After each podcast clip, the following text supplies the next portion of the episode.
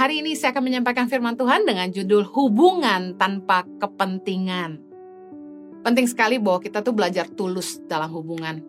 Mari kita baca sama-sama dalam Filipi 2, nasihat supaya bersatu dan merendahkan diri seperti Kristus. Ayat yang pertama, jadi karena dalam Kristus ada nasihat, ada penghiburan kasih, ada persekutuan roh, ada kasih mesrah dan belas kasihan. Karena itu sempurnakanlah sukacitaku dengan ini. Hendaklah kamu sehati sepikir dalam satu kasih, satu jiwa, satu tujuan. Dengan tidak mencari kepentingan sendiri atau puji-pujian yang sia-sia. Sebaliknya, hendaklah dengan rendah hati yang seorang menganggap yang lain lebih utama daripada dirinya sendiri. Dan janganlah tiap-tiap orang hanya memperhatikan kepentingannya sendiri, tetapi kepentingan orang lain juga. Ayat kelima, hendaklah kamu dalam hidupmu bersama menaruh pikiran dan perasaan yang terdapat juga dalam Kristus Yesus. Kalau kita dengar pengajaran sana-sini itu kadang-kadang membingungkan. Bahkan doktrin satu aliran berbeda dengan aliran yang lain. Kalau mereka didudukan bersama, pasti akan terjadi perbedaan dan perselisihan. Saya lebih senang belajar dari Yesus sendiri bagaimana Yesus menghidupi hidupnya di bumi, apa yang Yesus katakan dan apa yang Yesus lakukan. Rasul Paulus mengajar kita supaya kita dalam hidup kita bersama-sama dengan orang lain dalam komunitas, kita belajar seperti Yesus. Untuk bisa sehati, sepikir, dalam satu kasih, satu jiwa, satu tujuan, kita harus rendah hati dan tidak mencari kepentingan atau pujian dalam hubungan akan sulit bersatu kalau masing-masing tuh punya kepentingan. Bayangkan dalam sebuah pergerakan, orang-orang yang tergabung di dalamnya punya kepentingan masing-masing, tentu akan sulit untuk mencapai tujuan. Ada yang ingin menjadi yang terbaik, lebih daripada yang lain, ingin menonjol, ingin mendapat pengakuan dari yang lain. Datang bukan karena ingin melayani, tapi karena ingin mencari posisi. Banyak orang yang datang dengan berbagai kepentingan. Ada berbagai kepentingan dalam hubungan. Saya mau katakan sangatlah melelahkan ketika kita berada dalam sebuah hubungan yang penuh ekspektasi atau tuntutan. Orang-orang yang mengelilingi kita punya berbagai agenda. Mereka datang dengan membawa kepentingan mereka masing-masing untuk mendapatkan sesuatu, bukan membawa sesuatu. Kebanyakan orang itu pasti mencari keuntungan dalam hubungan. Amsal 19 ayat 4 berkata kekayaan menambah banyak sahabat, tetapi orang miskin ditinggalkan sahabatnya. Membuktikan orang akan cenderung mencari hubungan yang menguntungkan dirinya. Ketika kita berada dalam hubungan yang orang-orang itu datang dengan kita dengan agenda mereka sendiri, mereka punya kepentingan. Itu sangat melelahkan jujur untuk mencari teman yang benar-benar murni, tulus. Mereka datang tuh nggak punya kepentingan apa-apa. Mereka datang karena mereka ingin memberi diri untuk melayani, untuk berkontribusi. Ada, tapi sedikit sekali. Kita harus belajar bagaimana ketika kita terlibat dalam pelayanan, ketika kita ada di sebuah komunitas, kita tidak selalu datang dengan kepentingan, tapi kita datang untuk menjadi berkat. Filipi 2 ayat yang ke-6 berkata gini, yang walaupun dalam rupa Allah, tidak menganggap kesetaraan dengan Allah itu sebagai milik yang harus dipertahankan, melainkan telah mengosongkan dirinya sendiri dan mengambil rupa seorang hamba dan menjadi sama dengan manusia. Dan dalam keadaan sebagai manusia, ia telah merendahkan dirinya dan taat sampai mati. Bahkan sampai mati di kayu salib. Itulah sebabnya Allah sangat meninggikan dia dan mengaruniakan kepadanya nama di atas segala nama. Mari belajar dari Yesus bagaimana Yesus merendahkan dirinya dan mengambil rupa seorang hamba untuk dia bisa melayani kehendak Bapaknya. Sangatlah sulit untuk mencapai tujuan ketika orang-orang yang ada di dalamnya masing-masing mempunyai kepentingan. Yesus tidak punya kepentingan. Kepentingan Yesus adalah kepentingan Bapaknya. Yesus bisa taat sampai mati karena Yesus membawa kepentingan Bapa, bukan kepentingan pribadinya. The workers who do not serve the purpose of the master will not follow the order.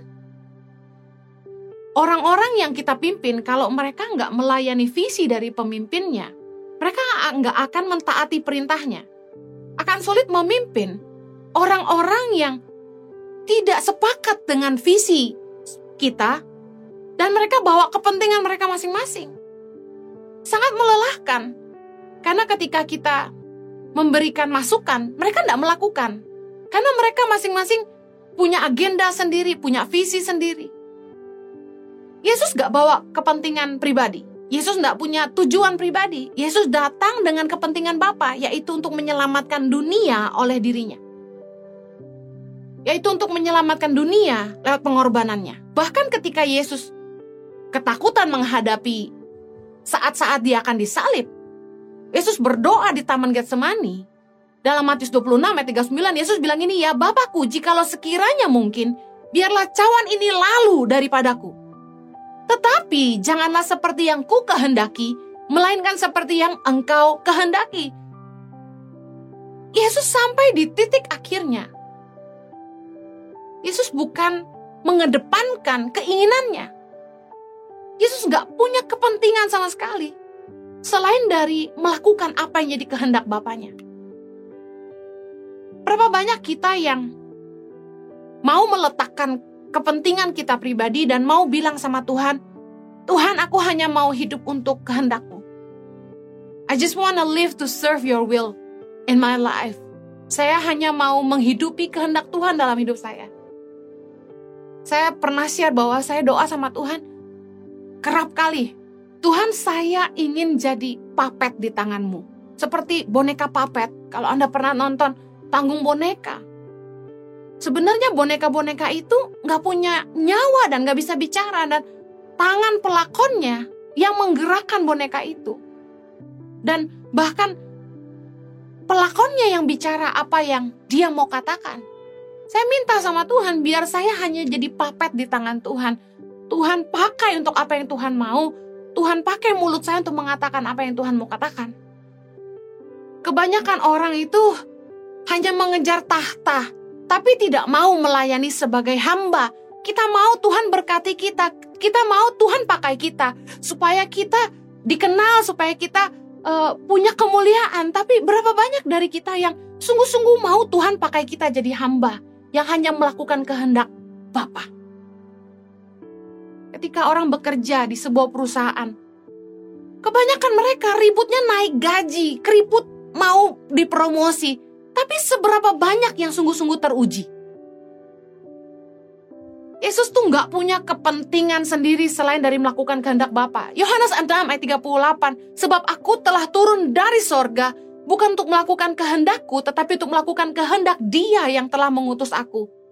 Yesus tahu tujuan Bapa mengutus dirinya ke dunia. Yohanes 3:16 karena begitu besar kasih Allah akan dunia ini sehingga ia telah mengaruniakan anaknya yang tunggal supaya setiap orang yang percaya kepadanya tidak binasa, melainkan beroleh hidup yang kekal. Yesus tahu tujuannya lahir ke dunia adalah untuk menyelamatkan dunia. Yesus memilih taat di kayu salib. Meskipun ketika Yesus hidup di dunia, Yesus punya kesempatan untuk memperoleh kemuliaan di dunia ini. Anda tahu dalam Yohanes 6, Yesus pernah mau dipaksa jadi raja. Ketika Yesus memberi makan 5.000 orang, di Yohanes 6 ayat pertama dikatakan sesudah itu Yesus berangkat ke seberang danau Galilea yaitu danau Tiberias. Orang banyak berbondong-bondong mengikuti dia karena mereka melihat mujizat-mujizat penyembuhan yang diadakannya terhadap orang-orang sakit. Dan Yesus naik ke atas gunung dan duduk di situ dengan murid-muridnya. Ayat 14. Ketika orang-orang itu melihat mujizat yang telah diadakannya, mereka berkata, dia ini adalah benar-benar nabi yang akan datang ke dalam dunia. Ayat 15. Karena Yesus tahu bahwa mereka hendak datang dan hendak membawa dia dengan paksa untuk menjadikan dia raja, ia menyingkir pula ke gunung seorang diri. Yesus punya kesempatan waktu hidup di dunia untuk mencari kemuliaan bagi dirinya. Tapi Yesus nggak tergoda. Yesus tidak menginginkan mahkota di dunia. Yesus tidak punya kepentingan. Ketika datang ke dunia, Yesus bawa satu kepentingan yaitu kehendak Bapaknya bagi dia itu untuk mati bagi dunia ini untuk menyelamatkan mereka oleh dia. Kebanyakan manusia justru kita maunya kemuliaan tapi kita tidak mau bayar harganya. Kita mau kemuliaannya tapi kita tidak mau salibnya. Filipi 2 ayat 9 berkata, Itulah sebabnya Allah sangat meninggikan dia dan mengaruniakan kepadanya nama di atas segala nama kemuliaan yang Yesus terima adalah karena ketaatan dan pengorbanannya untuk melakukan kehendak Bapaknya. Bukankah Yesus juga pernah mengatakan yang sama kepada kita? Bahwa setiap orang yang mau mengikuti Yesus harus menyangkal diri, memikul salib dan mengikuti Yesus. Tapi apakah kita hari ini sebagai orang yang mengaku pengikut Yesus? kita bilang kita ikut Yesus, apakah kita sungguh-sungguh mau sangkal diri? Apakah kita mau pikul salib dengan sukarela? Bicara soal ketika kita harus bayar harga, kita bayar harga. Karena kalau kita sebut pengikut Yesus, dua hal yang kita lakukan, sangkal diri dan pikul salib. Apakah kita hari ini bisa menyangkal emosi, menyangkal daging, menyangkal keinginan duniawi kita, menyangkal nafsu kita, menyangkal keinginan kita akan harta, keserakahan, kesombongan, dan kita mau pikul salib bayar harga untuk ikut Tuhan. Apa sekarang kita jadi orang Kristen, orang percaya yang hanya mau cari nyaman. Kalau parkiran susah nggak ke gereja, kalau AC nggak dingin nggak mau ke gereja, kalau pendeta khotbahnya nggak keren nggak mau ke gereja. Berapa banyak kita yang ikut Tuhan hanya untuk berkatnya, untuk kemuliaannya, tapi tidak taatnya, tidak salibnya. Mari ketika kita hadir di sebuah komunitas, ketika kita ada dalam sebuah hubungan, miliki mentalitas, saya harus jadi berkat. Saya harus memberi kontribusi. Saya hadir untuk mewarnai. Saya harus jadi terang. Saya harus jadi garam, memberi rasa. Kehadiran saya harus mengubah. Bukannya datang karena punya agenda, saya ingat ketika saya ke pedalaman. Saya kaget ketika saya lihat tiba-tiba bantuan berdatangan sebelum pemilihan. Ketika caleg-caleg mulai membagi-bagikan bantuan, mereka datang karena mereka punya kepentingan supaya mereka memperoleh suara rakyat. Tapi pertanyaan saya, berapa banyak para wakil rakyat yang sungguh-sungguh mengedepankan kepentingan rakyat? di atas kepentingan pribadinya. Di dalam hubungan, kebanyakan orang hanya mengedepankan kepentingan mereka lebih dari kepentingan orang lain. Tapi firman Tuhan mengajarkan kita justru dengan tidak mencari kepentingan sendiri atau puji-pujian yang sia-sia. Sebaliknya kita dengan rendah hati seorang menganggap yang lain lebih utama dari dirinya. Yang artinya gini, kita harus rendah hati untuk lihat orang lain juga penting. Bahkan, kalau orang tuh nggak rendah hati, dia nggak bisa lihat kepentingan orang lain. Justru orang yang tinggi hati merasa dia paling penting, dia yang harus didengar, kehadiran dia yang paling penting. Kita nggak akan bisa melayani kepentingan Tuhan untuk orang lain lewat hidup kita kalau kita selalu cari kepentingan kita. Ada orang-orang tuh yang selalu nanya, what is it for me? Apa untungnya buat saya? Ada orang-orang yang kalau nggak menguntungkan buat dia, dia nggak mau lakukan, dia nggak mau ambil bagian. Kadang-kadang lelah gitu. Dalam hubungan tuh kita harusnya nggak selalu cari keuntungan. Apa sih untungnya buat saya? Tapi pikirin keuntungan kerajaan sorga. Kau dipikir-pikir, saya ada di tangan pengharapan ini bukan untuk keuntungan saya. Malah ini jadi beban buat saya. Tapi yang saya pikirin adalah keuntungan kerajaan sorga bahwa anak-anak di Indonesia bisa mengenal Tuhan, mengenal kebenaran. Berdoa supaya setiap benih yang kita tabur bisa melahirkan pemimpin-pemimpin buat Indonesia yang takut akan Tuhan, yang cinta rakyat, yang berintegritas, yang memperjuangkan hak rakyat. Saya percaya dalam hidup kita, menjadi kaya itu anugerah. Berkat itu bonus. Tapi hiduplah untuk tujuan yang lebih besar dari sekedar menjadi kaya, jadi terkenal, jadi besar, jadi hebat. Hiduplah untuk tujuan Tuhan dalam hidup kita. Untuk itu kita mesti punya hati hamba. Hati hamba tuh gini, kita datang untuk melayani kepentingan Tuhan kita, bukan kepentingan kita. dalam hubungan dengan sesama aja, melelahkan sekali ketika orang tuh deketin kita karena mereka punya agenda. Deketin kita karena mereka punya kepentingan. Ketika mereka tidak diuntungkan, mereka meninggalkan kita. Lelah nggak punya hubungan yang seperti itu? Lelah sekali ketika dikelilingi oleh orang-orang yang awalnya datang pura-pura tulus. Padahal punya niat bulus. Datang untuk posisi. Datang untuk diakui. And they come for money. Sama halnya dengan Tuhan. Jangan selalu datang sama Tuhan itu untuk kepentingan.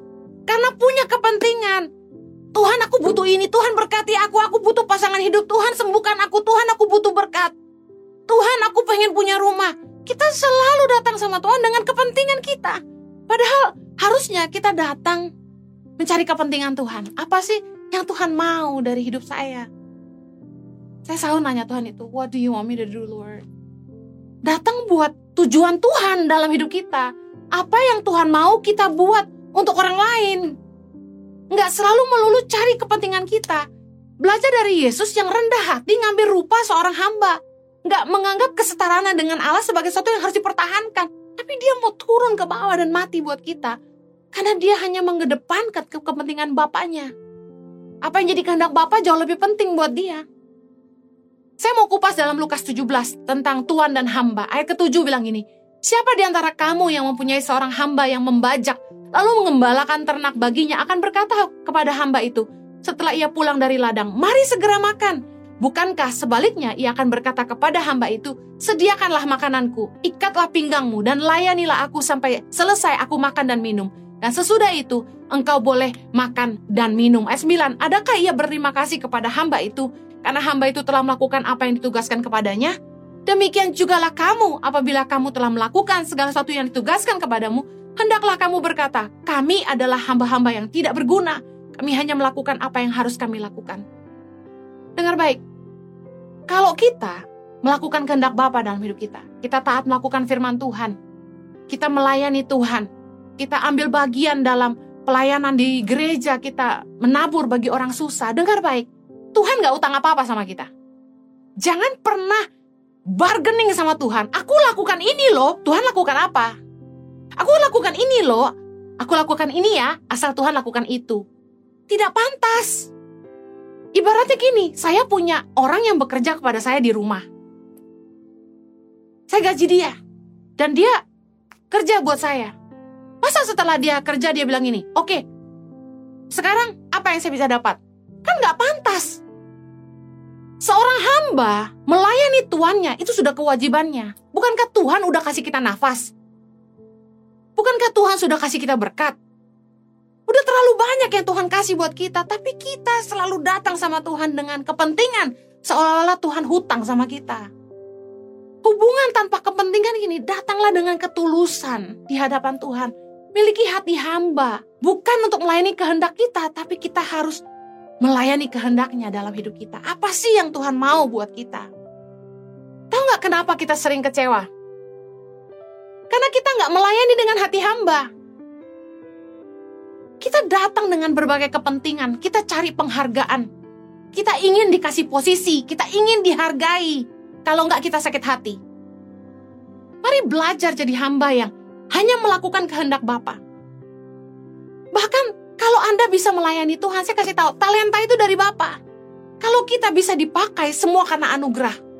2 Korintus 3 ayat 5 bilang ini, dengan diri kami sendiri kami tidak sanggup untuk memperhitungkan sesuatu seolah-olah pekerjaan kami sendiri. Tidak, kesanggupan kami adalah pekerjaan Allah. Kalau saya dimampukan Tuhan untuk bisa jadi berkat bagi Indonesia, menolong ribuan anak di Indonesia, itu bukan karena saya hebat, semua karena anugerahnya. Kalau kita bisa menabur buat pekerjaan Tuhan, bukan karena kita hebat, bukan karena kita kaya, semua karena anugerahnya. Kita nggak sanggup buat apa-apa kalau bukan kemampuan dari Tuhan. Tuhan cukup pencet tombol HB kita turun sampai 5, nggak bangkit kita. Apa yang kita mau banggakan dalam hidup ini? Seperti halnya hubungan kita dengan Tuhan, harusnya kita bukan datang bawa kepentingan kita, tapi kita melayani kepentingan Bapa, tujuan Tuhan dalam hidup kita. Kita tanya sama dia apa yang kita harus lakukan buat dia, seperti Yesus merendahkan dirinya, hanya menghidupi kehendak Bapaknya. Harus gitu yang kita jadi pelajaran berharga dalam hidup kita dalam mengiring Tuhan. Bukan minta ini dan itu. Sama halnya dengan hubungan kita dengan sesama. Sangatlah melelahkan punya hubungan dengan orang-orang di sekeliling kita yang hanya datang dengan berbagai kepentingan. Mari hadirlah dalam komunitas, dalam gereja, dalam pelayanan. Bukan untuk cari posisi, bukan untuk minta dihargai, bukan untuk uh, punya kepentingan, cari keuntungan, tapi hadirlah untuk memberi rasa, jadi terang di situ, jadi berkat. Saya mau tutup dengan ini. Waktu kita bekerja di marketplace, kita dapat keuntungan dari bisnis, kita digaji dari pekerjaan. Kita sudah bisa hidup dari situ, jangan lagi cari uang di pelayanan. Karena kalau untuk segala sesuatu yang kita lakukan kita harus dibayar. Lalu kapan kita punya kesempatan untuk memberikan hidup kita untuk Tuhan? Dulu waktu saya khotbah keliling, setiap kali saya khotbah di gereja-gereja, saya, saya dapat persembahan kasih. Bagi saya, maaf, itu pekerjaan. Karena saya dibayar untuk itu. Tapi ketika saya menolong anak-anak tidak mampu di pelosok Indonesia, bagi saya itu pelayanan. Kenapa? Karena tangan pengharapan tidak gaji saya. Tidak selalu semua tentang uang. Kalau untuk segala sesuatu yang kita lakukan kita harus dapat uang. Lalu apa yang bisa kita persembahkan kepada Tuhan? Mari miliki hati yang tulus dalam hubungan. Jangan selalu bawa kepentingan. Jangan selalu bawa tuntutan. Datanglah dengan hati hamba yang hanya rindu melayani Tuannya. Mari kita berdoa. Bapa di sorga kami berdoa agar kebenaran firman-Mu ini boleh sungguh-sungguh mengajar kami untuk belajar memberi hidup kami untuk melayani Tuhan. Berdoa agar kami belajar bahkan dalam hubungan dengan sesama, kami nggak selalu jadi orang yang hanya mau cari-cari keuntungan, cari kesempatan yang menguntungkan diri kami sendiri. Tapi kami ada untuk memberi diri, untuk berbagi, untuk memberi rasa dan warna, jadi terang, jadi berkat yang menggarami dunia ini. Tuhan kami berdoa agar kiranya Tuhan kami boleh jadi teladan bagi banyak orang dalam perkataan kami, dalam perbuatan kami, tingkah laku kami, bahkan di keluarga kami, kami boleh jadi berkat. Kami nggak selalu punya kepentingan dalam hubungan, tapi biar kiranya kami boleh membedakan bisnis dan hubungan. Terima kasih Tuhan. Kami berdoa agar hanya kehendakmu yang jadi dalam hidup kami. Kami mau belajar jadi hamba yang setia, yang menghidupi rencanamu dalam hidup kami. Demi nama Yesus kami berdoa. Amen. Stay blessed. God bless you.